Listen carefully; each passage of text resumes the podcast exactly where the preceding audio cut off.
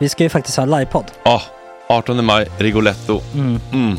Jag kommer inte ens nämna stolarna. Nej. För det, det har jag pratat om. Ja. Nu ska vi prata om showen. Ja, bara kort då bara för de som inte vet. Alltså, man, kan alltså, alltså stolarna, man kan reclina dem Ja. och ligga som Joey och Chandler Ja. i Friends. Och så har man en QR-kod och så trycker man på vilken sprit man vill ha.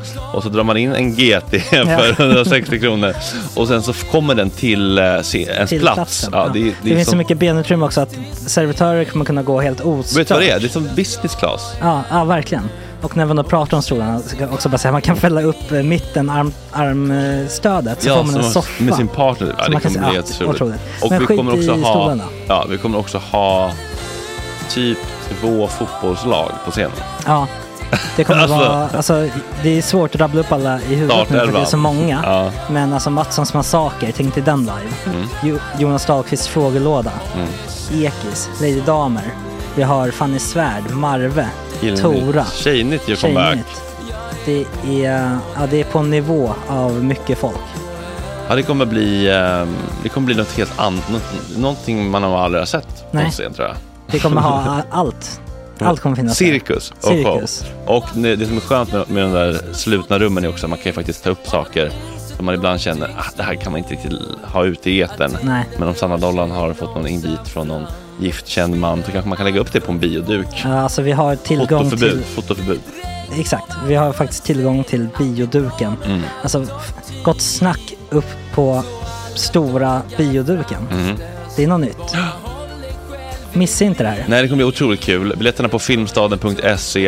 Eh, ta med en god vän så tar vi Mm. med oss Johan Rabaeus. Exakt.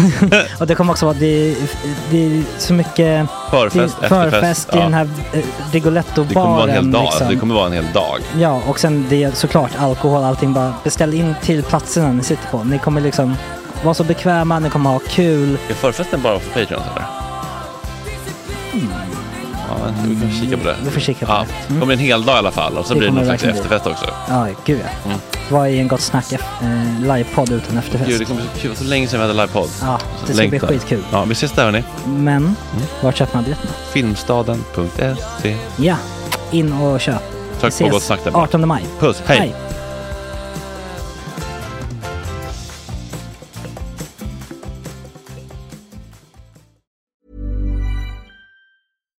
One size fits all seemed like a good idea for clothes Nice dress. Uh, it's a it's a t-shirt. until you tried it on. Same goes for your healthcare. That's why United Healthcare offers a variety of flexible, budget friendly coverage for medical, vision, dental, and more. So, whether you're between jobs, coming off a parent's plan, or even missed open enrollment, you can find the plan that fits you best. Find out more about United Healthcare coverage at uh1.com. That's uh1.com. Millions of people have lost weight with personalized plans from Noom, like Evan, who can't stand salads and still lost 50 pounds. Salads, generally, for most people, are the easy button, right? For me, that wasn't an option. I never really was a salad guy. That's just not who I am. But Noom worked for me. Get your personalized plan today at Noom.com. Real Noom user compensated to provide their story. In four weeks, the typical Noom user can expect to lose one to two pounds per week. Individual results may vary.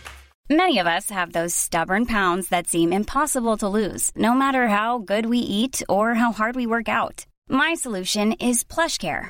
PlushCare is a leading telehealth provider with doctors who are there for you day and night to partner with you in your weight loss journey. They can prescribe FDA-approved weight loss medications like Wagovi and Zepbound for those who qualify. Plus, they accept most insurance plans. To get started, visit plushcare.com slash weight loss. That's plushcare.com slash weight loss. Okej, det här är del 2G. Mm. Gott adoptionssnack. Ja, Starkt. det är väldigt viktigt att lyssna på det här för att fan vad man inte hade koll på, på vad som sker. Eller, Den här idén om att vi vita räddar de här barnen från tredje världen. Mm. Det är människohandel, det är kidnappningar, det är organiserad brottslighet. Inte alltid men, men ofta och eh, jätteviktigt. eh, Står ni i adoptionstankar? Stopp! Ja, Lyssna på det här först. ja, lämna sen- tillbaka. Ja, sen får ni ta Öppet beslut. köp. Ja, se till att ha öppet köp om ni ska. Nej, men hörni, jätteviktigt. Dela det här med folk eh, faktiskt. Ja, varsågoda Tack för här att ni också. lyssnar. Ja, varsågoda här också. Förlåt. Puss, hej.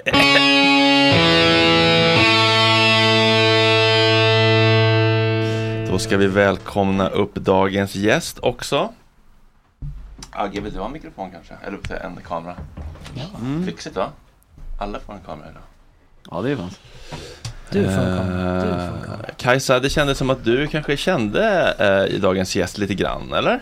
Ja, alltså Jotti har ju jag följt i många år. Alltså Jotti är ju värsta grejen. Du vet väl vem vi har här i studion? Du fattar väl hur stort det här är att hon är här? Jag ska vara helt ärlig, jag hade inte stenkoll. Det var min eh, poddkollega Paula Dahlberg, Vardagsrasismen, som jag gör Palestinapodden under lupp med, som sa att om du ska prata om det här ämnet så borde du verkligen bjuda in den här personen. Och henne litar jag eh, ju väldigt mycket på. Så att eh, det var så det började faktiskt. Och eh, sen har jag sett på Instagram att du är aktiv och så. Men jag googlade liksom, jag fick inte upp jättemycket om jag ska vara helt Alltså ärlig. grejen är så här, Jotti, om jag ska ge henne en riktig proper introduction. Ja, eh, så grejen är så här, du vet, Tobias Hübinette var ju först i Sverige med att kritisera adoptionsindustrin. Okej. Han fick så mycket skit för det här under hela 90-talet, liksom, för då var adoption ett heligt ämne. Det var liksom, eh, det här är bara win-win situation, jättebra allting. Så här.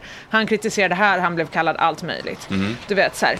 Men Jotti är liksom en pionjär i det att hon eh, har liksom gått direkt international. Så att hon direkt gjorde en eh, internationellt känd dokumentär eh, där hon åker tillbaka och, eh, till Indien och liksom, tillsammans med en eh, holländsk adoptionsaktivist. Ehm, så att Jotti, liksom, om du googlar får du googla nog på engelska tror jag för att du ska hitta allt det här. Och sen har hon sitt konto där hon har drivit de här frågorna mycket tidigare än alla de som kom senare. Eh, för sen för två år sedan kom ju DNs reportage, uh, stulna barn och så vidare. Men Jotti hade ju liksom hållit på med det här i fem, tio år, år. eller hur? Ja, Elva innan, före det reportaget. Wow. Du ska vara varmt välkommen till. Gott Snack i alla fall. ja, men tusen tack. Känns det bra att vara här? Ja, och vilka stora ord jag har fått. Ja. tack snälla. Mm. Eh, Har du någon, eh, någon tanke om, om healing och kristaller du vill kasta in innan vi går in på ditt ämne? Ja, men det var bra att de nämnde det här med barnarbetet i Kongo. Och sen, Mm. eh, Det tycker jag verkligen eftersom jag har specialiserat mig på människ- människohandelsbegreppet. Och så. Mm. Så det tyckte jag var bra. Mm. Att man inte utesluter det. Ja men verkligen. Mm. Jag växte upp och hade nog kanske bara två adopterade personer i min närhet. Det var mammas kollega Hanna, vars pojke från Colombia inte fick klippa sig i Gröndal för att eh, Dan Rolén, frisören där, klippte inte sådana. Jag förstår vad menar med sådana. Trevligt, Ja. väldigt trevligt i gemytliga lilla Gröndal. Och sen så var det då din goda vän och, och sen min pojkvän Andrej. Ja, Som är otroligt... Och Jompa också. Och Jompa också. Okej, det var tre. jag säger inte, men det var tre Ja, och personer. jag tänkte väl eh, inte så mycket som barn men att så här, det där var väl fint att de fick komma till Sverige och eh, få en trygg familj och vad vilken bra grej. Och sen har man ju kanske förstått, eh, eller om det, att det kanske finns vissa baksidor med detta. Ja, Kan det du berätta för oss? Jo, men det har ju varit ett ensidigt eh, narrativ i flera decennier faktiskt när det gäller internationell adoption. Mm. Eh, och då är det ju oftast eh, adoptanterna, för det var ju de som startade liksom hela den här, eh, vad ska man säga, behovet av att hämta hit barn och eh, tillfredsställa eh, de här barnlösa parens ja, längtan och behov. Så det var väl så det började. Eh, och eh, vad, man kan konstatera idag, liksom nästan sex decennier sen, senare, är att det här stämmer inte. Alltså det är lite som det här argumentet, det är inte alla män men det är tillräckligt många män. Så finns det så också i adoption. Inte alla adoptioner men det är så tillräckligt många adoptioner. Där vi faktiskt kan säga att människohandel har faktiskt eh, föregåtts. Och vad definierar människohandel då? Eh, det kan vara att man till exempel eh, exporterar ett barn. Alltså man tar ett barn från ett sammanhang och gör om identiteten på den bland annat. Man kan också tvätta deras juridiska papper. Sen kan det ju vara regelrätta kidnappningar också. Att man, som i mitt fall då, man kidnappade mig från eh, ett eh, konvent med min lilla, syster. Ett konvent? Ja, ett kristet konvent. Som min Som mamma ett var kloster på. typ. Ja, Där de hade barn. precis. Ja, Eh, inte som ett konvent som liksom... Inte Comic Con liksom. Nej, Alltså eller så här mässa utan adoptionsmässan. den religiösa betydelsen av konvent. Liksom. Ja, precis. Aha. Eh, Jag kommer ju från Indien då. Och Ja. i Indien så om en kvinna erfar våld i nära relation så lägger de det på religiösa organisationer att eh, hjälpa dem. Det är inte riktigt staten som hjälper dem på samma sätt. Så att min mamma befann sig där då för hon var på flykt från min pappa då som Ja. utövade våld och var i ett aktivt missbruk vid tillfället. Eh, och så en dag så kidnappade då nunnorna mig och min lilla syster tog oss till ett barnhem. Och eh, ja, men de sa, de hade ju ganska mycket information om min mamma, så, men de sa liksom att eh, jag var föräldralös och att min mamma hade liksom velat det här, men det stämde ju inte. Och varför gör de så? Eh, för att det finns pengar i det här. Landar Brukar landa där. Ja. Och om du kollar lite faktiskt så är Ulf Kristersson, vår statsminister, han är djupt involverad i det här. Eh, han eh, var ju ordförande för Adoptionscentrum, Mhm. som är en av de största människohandelsorganisationerna här i landet faktiskt, om vi ska Oj. prata klarspråk. Oj. Eh, de vet om det här, han vet själv om det här. Eh, det var under hans tid som ordförande Eh, var det en statlig utredning där man föreslog så här att man skulle sänka den här avgiften för eh, adoption. För att man kallar det så här omkostnader och liksom bla bla bla, så här, men det är ju ganska mycket pengar. Alltså så att det här är ju liksom ett incitament för att du ska kidnappa barn.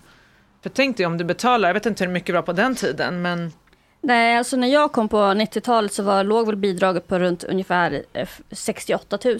Mm. Men tillsammans med mitt syskon så blev det 98 000 och då kan man undra vart tog de resterande pengarna vägen? Någon slags mängdrabatt. Ja, Blir det för dem? Liksom. Ja. Nej men fattar du hur mycket pengar det här kan vara? Så att jag menar om eh, du har en organisation som, som livnär sig på att de hittar barn på olika sätt, kommer in till kanske ett konvent eller barnhem och säger så här, här, de får en summa och sen säljs de vidare liksom till västerlänningar.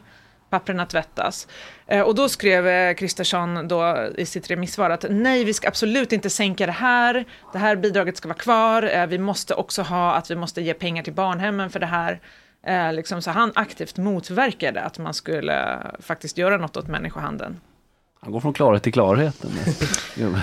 Ja, det, och, det, och det sjuka är liksom att han har ju kämpat för det här jättelänge, liksom att man inte ska ehm, stoppa människohandeln. Eh, han har ju själv adopterade barn precis, Mm. eh, från Kina. Och liksom, det var just jag gjorde ett reportage om det här, just under hans tid så var det ju adoptioner från Kina exploderade, jättemånga liksom. Eh, och massa människohandel där, kidnappade barn, stulna barn. Men de ville väl inte ha så mycket barn heller i Kina? Men det är ju det myten. Alltså det är ju det alla säger så här, ja men det här var enbarnspolicy, då betyder det att så här, alla överger flickor. Ja men det stämmer inte för att det åker runt desperata föräldrar i Kina som åker runt och letar efter sina stulna barn.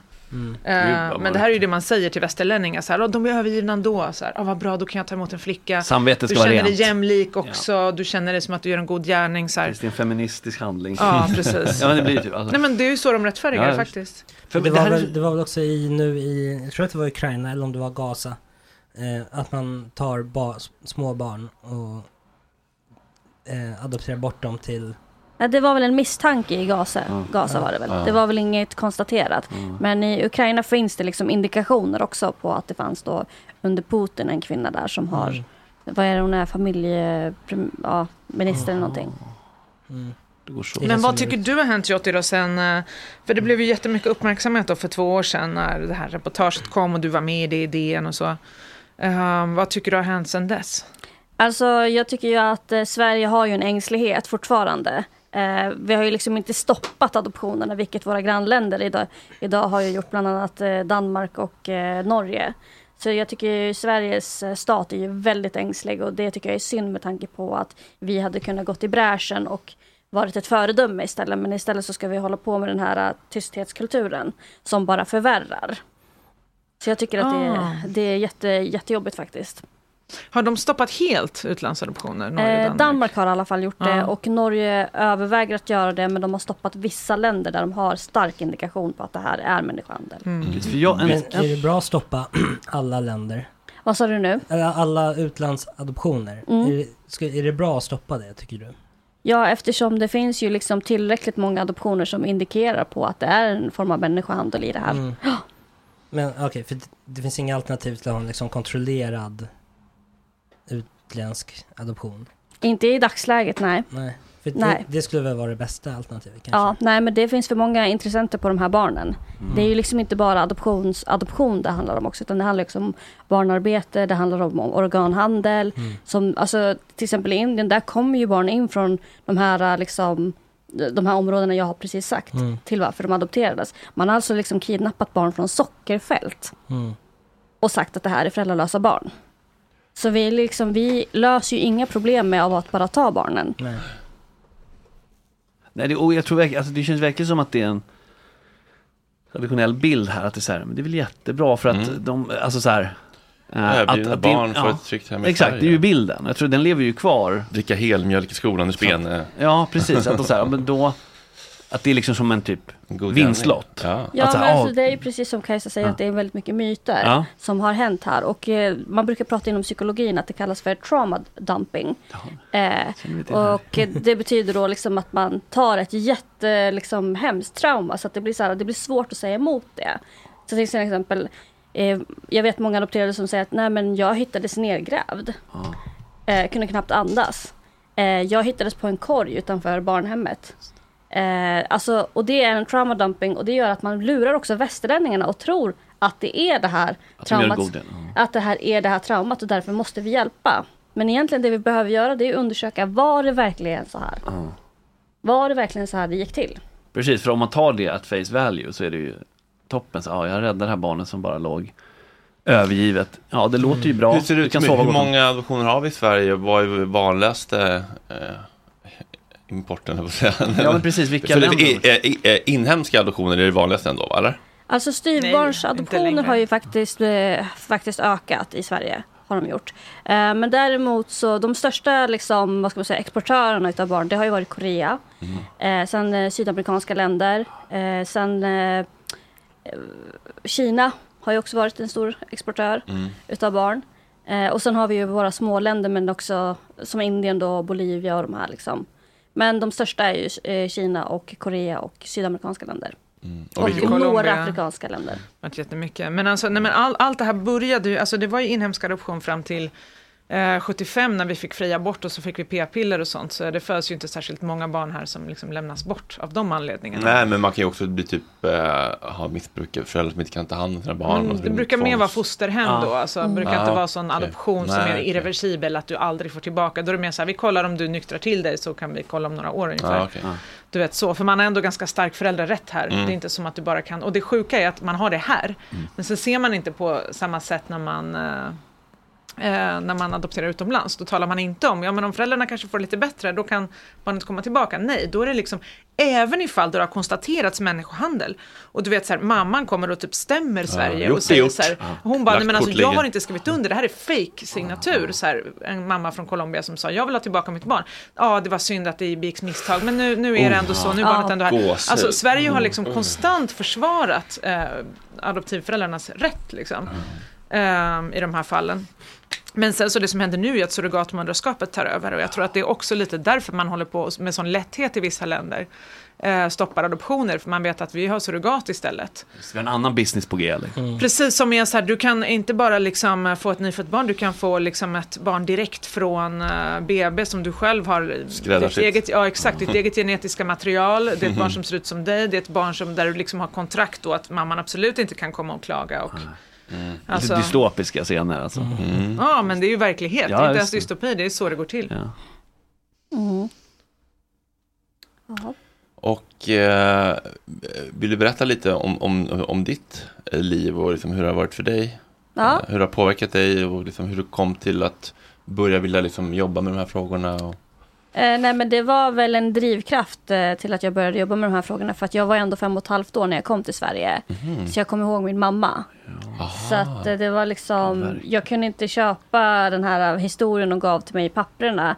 Eller som mina svenska föräldrar sa till mig att jag inte hade någon mamma. För jag kommer ihåg henne så tydligt. Minns du liksom när du reste, hur gick det till? Liksom? Alltså jag har liksom fragment av själva kidnappningen. Har jag. Och sen har jag liksom väldigt mycket minnen från barnhemmet. Det var mycket, mycket misshandel, mycket vanvård utav liksom mina barnhemskompisar då. Där du hamnade efter kidnappningen. Innan Precis, ja precis. Eh, så att eh, det var liksom tufft att komma till då lilla Ljusdal som jag kom till. Mm. Eh, för, på, för på den tiden så fanns det inte jättemycket, vad ska man säga, invandring in till kommunen. Eh, så att det blev ju liksom en eh, ja, krock för mig, mental krock liksom. Och sen då växa upp med ett par svenska, ja men eh, smått naiva personer liksom. Som gör allt för att inte ha konflikter eller någonting. Allting ska bara vara väldigt, väldigt glatt liksom. Mm. Så det blev liksom en konfliktfylld tillvaro. Blev det. Pratade ni om det liksom, i barndomshemmet? Både ja och nej. Det var ju väldigt villkorat. Eh, och jag kan ju säga så här att det, det här är inget unikt för mig utan det här är jättevanligt för adopterade. att man liksom, själva adoptionen är villkorad när man pratar om den med sina adoptivföräldrar. Och det kan ju göra då att- man till slut tystnar, vilket jag gjorde. Vad sa du? Vad, vad menar du? Villkorad. Alltså samtalet om adoptionen är villkorad. Hur då? Eh, ja men i deras, man, det, i deras positionering så handlar det ju om att de har ju hjälpt mig. Och då blir det ju som en tacksamhetsskuld. Och därför vågar inte jag heller kanske ta samtalet vidare. Om att det här faktiskt är en väldigt Hur jobbig... har du mage liksom att börja Men gräva de hur- här sakerna? Har, ni pratat om det senare? Eh, både ja och nej. eh, det är liksom, mina föräldrar är ju liksom nästan 45 år äldre än mig. Så att det, det är ju en helt annan generation Mm. att prata med. Eh, generellt bara. Ja, om jobbiga saker och så. Ja, det det, de eh, pratar ju inte psykisk ohälsa. nej, nej, nej. Hur gammal är du?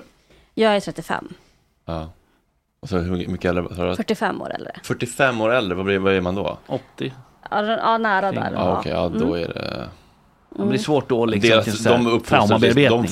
de föräldrar som levde på 1800-talet liksom. Ja men typ, och där liksom, eh, Det var inte så mycket healing där. Nej. Där. mådde man dåligt så var det, det fanns en krage att ta sig i liksom. Ja, det var men det det var liksom jobba och suck it up liksom. Ja, Ja, liksom. Det var verkligen så. Men känns det som att det liksom är fine eller skulle du vilja liksom bearbeta någonting mer med dem eller liksom komma fram till något eller processa något? Eller liksom? Eh, Jag har faktiskt pratat med en av mina föräldrar. Eh, Tyvärr är den dement idag. Så jag har fått mitt avslut med den personen. Men eh, den andra personen jobbar jag lite på. Om man säger så. Mm. Jo, för, det blir ju en, för det blir ju liksom, det är klart det är uppslitande. Man måste ta i det och titta inåt och säga okej. det här Ja. är inte som liksom, våran bild av det, att det var liksom bara positivt och alla blev glada utan någonstans Ja. måste man omvärdera allting. Ja, och det blir ju alltså, tufft det- men En skam för dem kanske också. Ja det är klart. Och såklart. att ta i den, att orka liksom. Mm. Det, Absolut, ligger och sen när, när, när det var liksom konstaterat att det var människohandel i mitt fall så blev det ju liksom politiken flyttade in i vår familj. Eh, och det skapade ju en väldigt stor konflikt mellan oss. För de hade ju sina förväntningar på en adoption. Eh, och jag hade ju mina förväntningar i existensen av att vara människa och, och vilja vara med min mamma i Indien. Mm. Men jag tycker du har gjort ett sånt enormt jobb med att upplysa om det här. För att du har ju också varit öppen med så här, hur det har varit att åka till Indien, eh, träffa din pappa, alltså hela den återföreningen som, som de visar på tv när de gör sina program. Och jag tycker det är lite typiskt på något sätt att först så framställer man adoptionen som att åh, här får ett barn äntligen en familj, en familj får ett barn, jättefint, slut. Sen när man bara, oj det var problem, eh, då gör man samma grej. Då visar man så här, nej men åh, nu ska den här vuxna människan då åka tillbaka och träffa sin riktiga familj. Eh, åh, här träffas de, åh vad fint, slut. Eh, som att nu ska allt bli bra. Och jag tycker det du har visat är ju så här, hur, hur, hur stora komplexiteter det ändå blir när man ska träffa någon som man är biologiskt relaterad till och liksom Vill du berätta något om det? Ja, men alltså man kan väl se det som att det är ju det är inget början eller slut när man hittar sina liksom, familj. Eh, och min pappa är liksom det är, jag kan säga att det är väl typ en av mina svåraste utmaningar. Det är att ha träffat en eh, traumatiserad person som har fått sina barn stulna och kidnappade. Det är väldigt eh, liksom, traumatiserande att träffa en sån person. Vem var du träffade? Pappa. Ja. Mm, och han berättade ju liksom att han hade letat efter mig i så många år. Oj. Och min lilla syster. Hur hittade du honom? Eh, eh, Jag anlitade en organisation som heter Against Child Trafficking som är eh, både holländskt och indiskt baserad. Eh, Så jag anlitade dem och så... För grejen var den att 2013 då var jag ungefär 24 år gammal och då ville jag hitta min familj.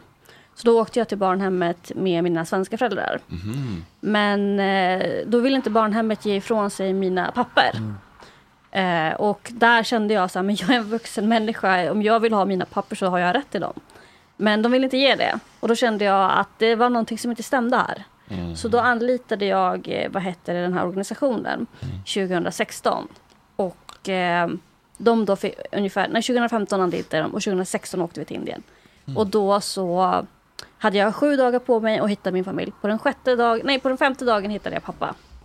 Oj, Ja. vad hade du att gå på? Eh, då hade vi fått ut de här riktiga papperna och då, hade då stod det faktiskt, jag hade då, jag brukar kalla det här för tyvärr ett lotteri vem som får veta och inte veta. Men de hade faktiskt varit hedliga nog och skrivit eh, min pappas by, vart han bodde. Så vi åkte till den. Eh, så när jag kommer till den här byn så kände jag igen bergen direkt. Nej, vad mäktigt. Ja, så då sa jag till de som hjälpte mig, vi är rätt. Här är det. Så att, ja, så då hittade jag min pappa. Men det var min farbror som var ute i byn och så berättade han att min pappa bodde inne i stan. Så dagen efter träffade jag pappa. Hur var det?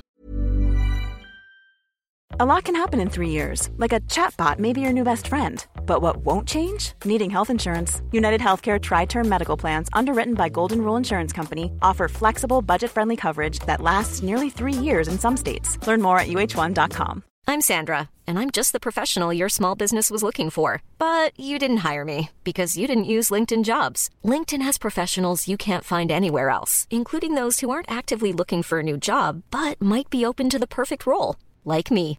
In a given month, over 70% of LinkedIn users don't visit other leading job sites. So if you're not looking on LinkedIn, you'll miss out on great candidates like Sandra. Start hiring professionals like a professional. Post your free job on linkedin.com/people today. Hey Dave. Yeah, Randy. Since we founded Bombus, we've always said our socks, underwear and t-shirts are super soft. Any new ideas? Maybe sublimely soft. Or disgustingly cozy. Wait, what? I got it. Bombus. Absurdly comfortable essentials for yourself And for those facing homelessness. because one purchased equals one donated. Wow, did we just write an ad? Yes. Bombas. Big comfort for everyone. Go to bombas.com slash ACAST and use code ACAST for 20% off your first purchase. Jag brukar förklara det som att det var naturligt. Det var liksom så här, för att när jag var liten så drömde jag väldigt ofta om en man som körde mig på häst och vagn. Så bokstavligen på natten drömde du? Ja, och Ah. även dagdrömde så här, som lite så här, jag har förstått att det är PTSD i efterhand. Eh, så då kunde jag, så här, dag, jag kunde få flashbacks från en man som körde mig på häst och vagn. Men jag förstod aldrig vem det var. Eh, och då säger min pappa så här, Jurtema, you remember when you, were- I was driving you in a horse, in a, horse in a carriage? Ja, då klickade det liksom. Ja, och då blev det så här, för det är ju han. Vad sa han? Säg igen. Alltså han, sa, han frågade mig om jag kommer ihåg.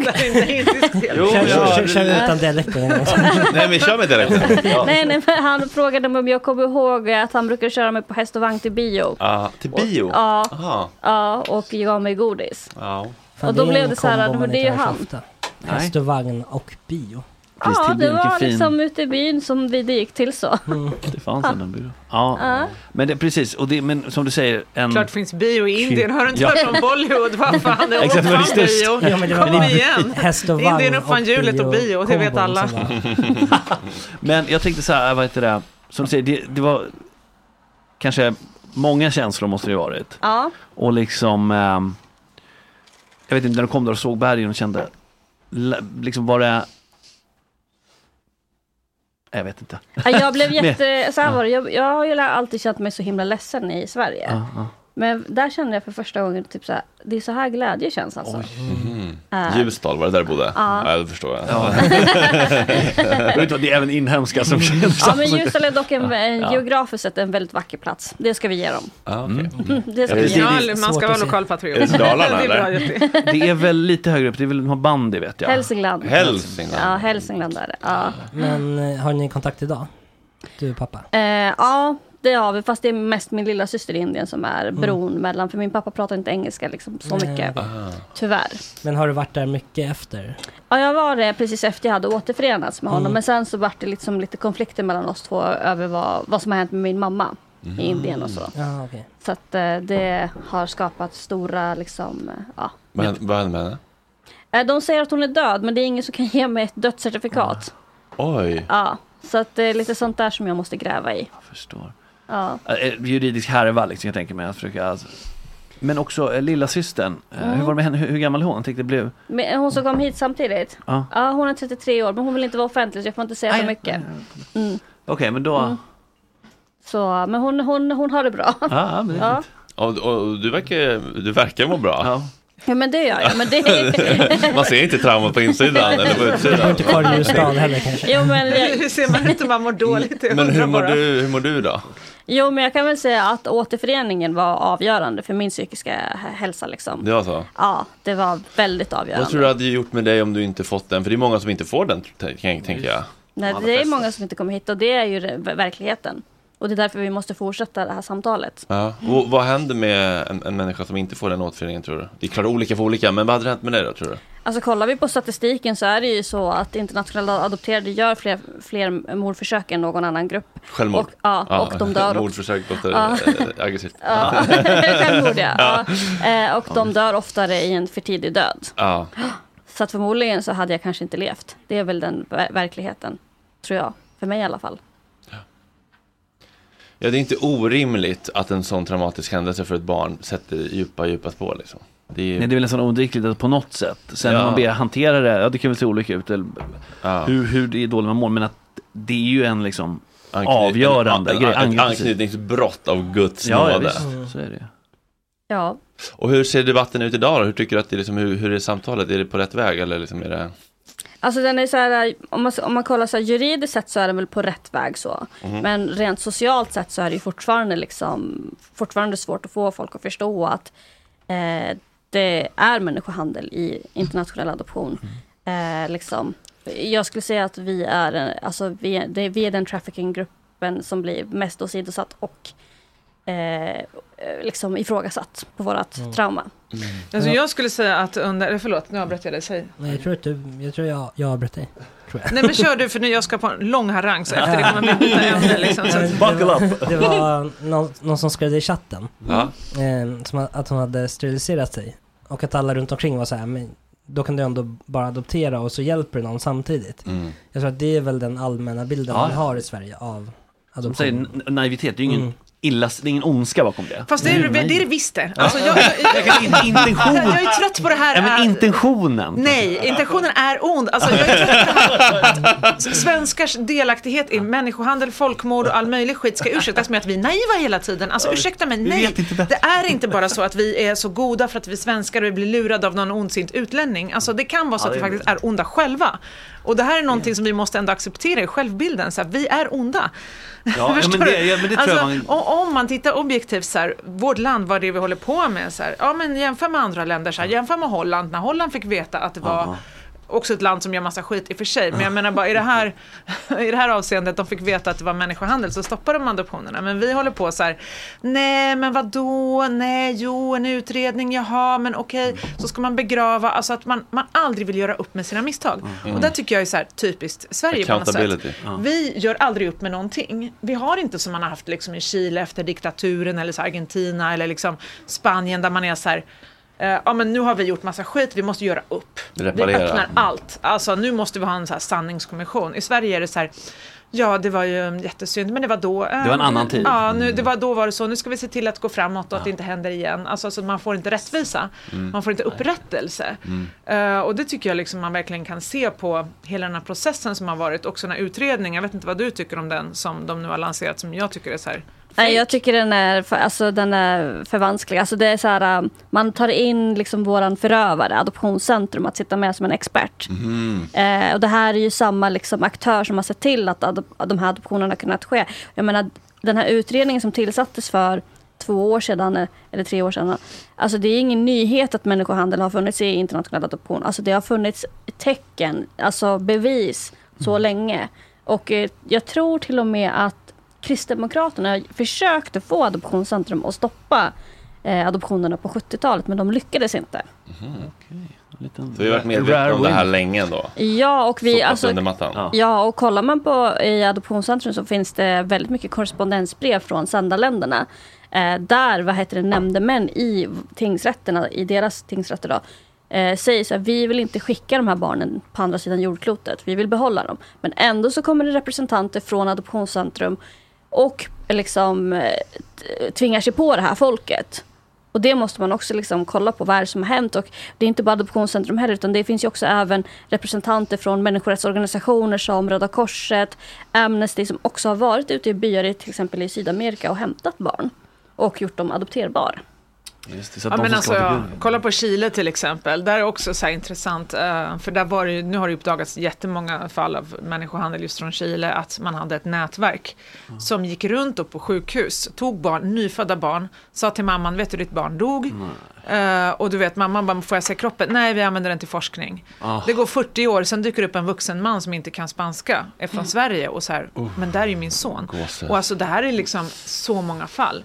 Vem var liksom den som eh, var kärnan i hela det här nätverket? En svensk dam.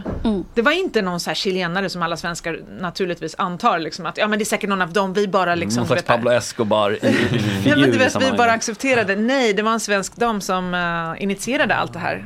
eh, som var gift med en chilensk militär där. Och eh, hade hästuppfödning och sånt. Och eh, så ägnade hon sig åt det här. Och liksom verkligen skaffade sig domare, eh, sjuksköterskor, socialarbetare i sitt nätverk. Som alla då såg till att få ut de här barnen. Fixa papper och allt sånt där. Men det var liksom ja, människohandel. Ja, men organiserad brottslighet Ja. är det liksom, alltså, Ja. i dess renaste form på något Mm. sätt. Att det är väldigt... Och det som jag tror också har möjliggjort allt det här, det är också vår syn på vad liksom alla andra länder som inte är Europa och USA typ är.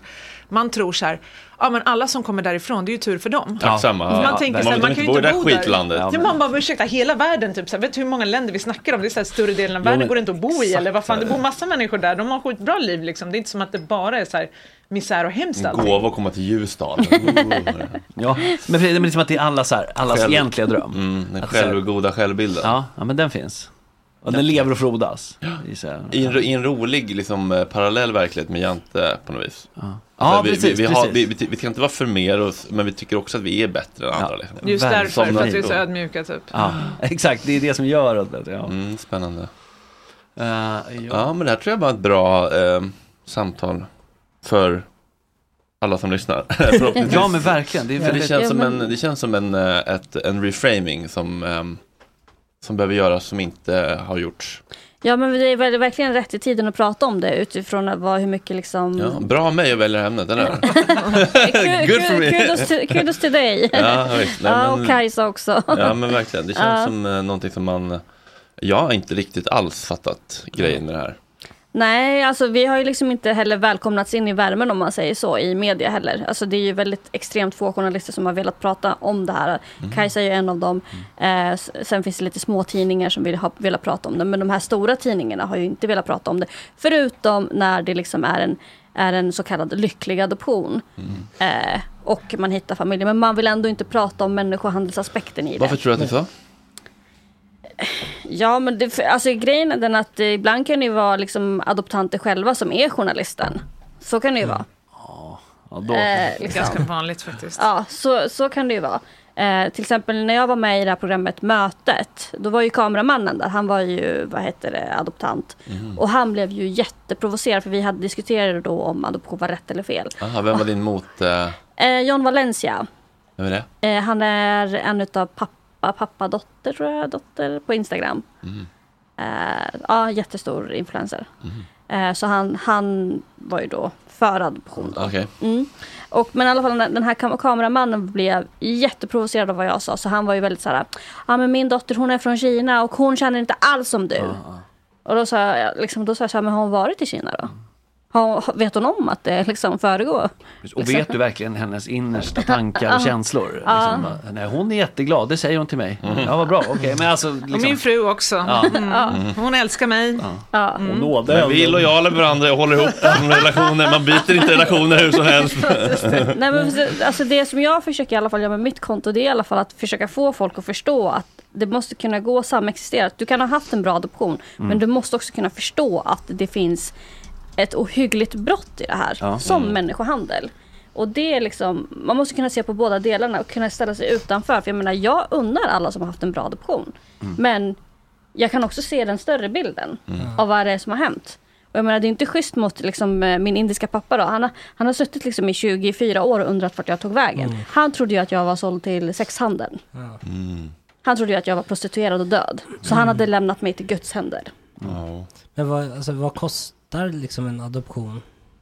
Eh, idag tror jag bidraget ligger väl på 78 000 kanske? 78 000? Ja, någonting sånt där runt 70 Det var 000. ju i Robinson senaste säsongen. Så var det en eh, kille där som sa att han skulle använda pengarna till att adoptera.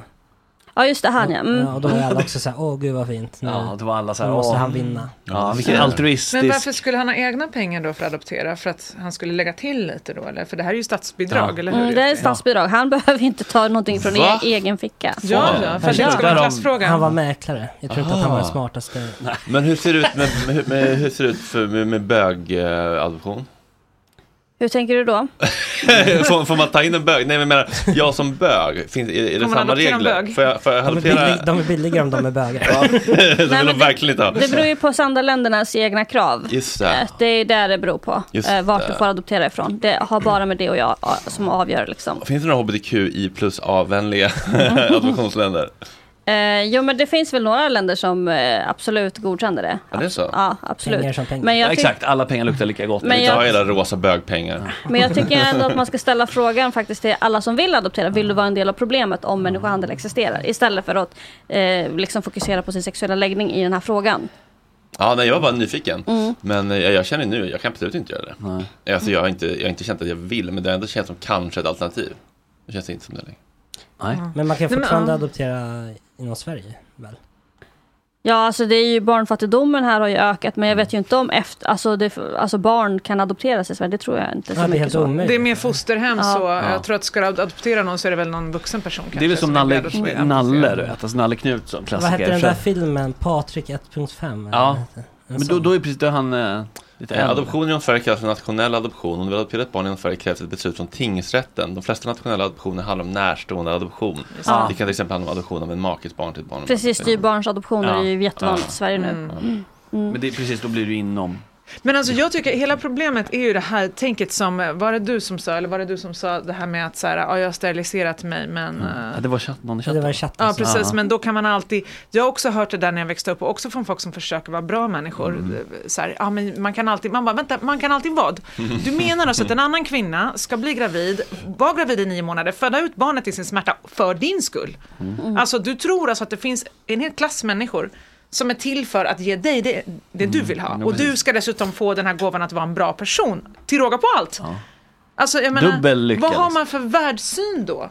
Att, de är, precis- att det är som en liksom, man skördar bara. För mig. Alltså här, någon, ja nu har du fått barnet, nu skördar jag. Ja, men någon annan kan alltid rycka in. Det är ju Ja. den här liksom synen på oss som att vi på något sätt är så här, äh, skapelsens krona. Mm. Ungefär som att så här, ja, men, äh, om man äh, inte kan liksom göra något själv, någon annan gör det åt dig. Någon kan städa din toa, någon Ja. kan så här, du vet, göra en mobiltelefon åt dig, så här, bla bla bla. Nu också någon ska föda ett barn åt dig. Liksom. Ja, men det är som en surrogatmödraskapet. Nu ska de dessutom Ja. föda dina genetiska barn Ja, åt dig. visst, visst. Så att Nu är de ska se ut som liksom, dig också. Nu är de bara vessels, liksom, man ska säga. Alltså, Och så poddar, tycker folk liksom. att det här med liksom att man hade ammor förr i tiden som ammade barnen så att man slapp själv så man inte fick så här, äh, slaka tuttar. Då tycker man att det var hemskt, vad fan är det här då? Men det var då precis, det är lätt att titta tillbaka och säga att det var så konstigt förr, men nu har vi Nu, Nu ska vi landat föda i... barnen åt dig? Ja, bara ytterligare ett steg i liksom eh, bosättar, kolonialism, bosätter deras liksom livmoder. Ja, ja visst, alltså det är verkligen Det är ju är verkligen The stuff of eh, science fiction romaner liksom Ja. Fast det är på riktigt Ehm, jättestort tack för att du kom hit och Tusen delade med tack. dig. Kajsa, vad kul att du kom också lite tidigare. Ja. Eldade upp snacket Ja. lite. Jag Det var, skippar gymmet på torsdagar, jag kan komma lite tidigare. ja, det var underbart. Eh, vill ni plugga någonting som ni har på Pipen Parabol Press? Eh, fortsätter, där kan man läsa och stötta. Mm, vi har faktiskt många artiklar om just adoption. Vi har haft Tobias Subinet och Maria Dimar och Maria Fredriksson som är några andra av de här aktivisterna eh, i Sverige, de mest kända kanske som har skrivit. Ja, och Lisa Olrim Sjöblom. Ja, just det, Mm. hon har också skrivit en skitintressant artikel där hon har intervjuat en adoptionsaktivist från Nya Zeeland. Så de kan man gå in och kolla på om man vill, om man vill läsa mer om det här. Mm. Och så även aktivister från små länder som till exempel eh, Teresa från, som kör Den andra stranden på Instagram. Också är väldigt bra. Jag tycker för småländerna kommer i skymundan och det är väldigt viktigt att de också kommer fram, deras röster. Mm. Kan vi kan eh, bjuda in Mm. också. Okej, vi ska fortsätta jaga historikerexperter idag. Det- Två nya nej igår. Förstår du nu liksom att hålla det här fyra dagar i veckan rullande? Liksom, Ja. Vilket jobb det är? Eh, Fra, framförallt förstår jag att historiker är ett helt makalöst Släkte Arrogant sträcke. ja, de känns lite, kanske lite... Ja men det, men det är ju en ex- excentritet Ja, Max, hur ser dagen ut? Eh, inte så mycket början då faktiskt Nej. Jag ska bära upp en stol tror jag till salongen. Så det blir Ja. det blir dagens styrketräning. Agge ska också bära upp en stol till, eh, jag får inte slänga stolar i inte? längre så att det måste vara tipp-tapp. Men kan upp och vinna lite ja, mm. Eh, om ni vill komma på AV på fredag så har vi lite AV här. Alltid Ja, trevligt. kul. Trevligt. Eh, ja, vi säger väl så. Imorgon kommer Martin Wiklin, Sanna Dollan, Tora med Tjejnytt, Fanny Svärd och Mona Persson som är polis och influencer. Tjejfredag. Ja, det får man säga. En spännande blurry lines däremellan kan, kan man tänka sig. Jag hade varit en dålig polis. Jag hade liksom inte kunnat hålla de gränserna riktigt. Nej men det de gör, de skriver ju bara eh, privat konto, ej myndighet och sen så gör de vad de vill. så Det är gör så- de vad fan de vill. Alltså det är väl så jag upplever. Ja. Tack för idag kära ni. Vi hörs imorgon. Puss, Puss och kram. Hej hej. hej.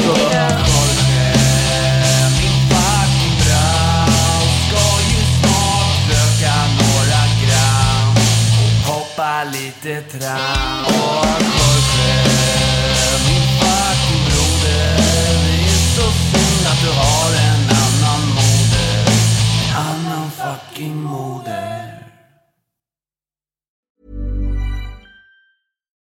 Why don't more infant formula companies use organic, grass fed whole milk instead of skim? Why don't more infant formula companies use the latest breast milk science? Why don't more infant formula companies run their own clinical trials? Why don't more infant formula companies use more of the proteins found in breast milk? Why don't more infant formula companies have their own factories instead of outsourcing their manufacturing? We wondered the same thing.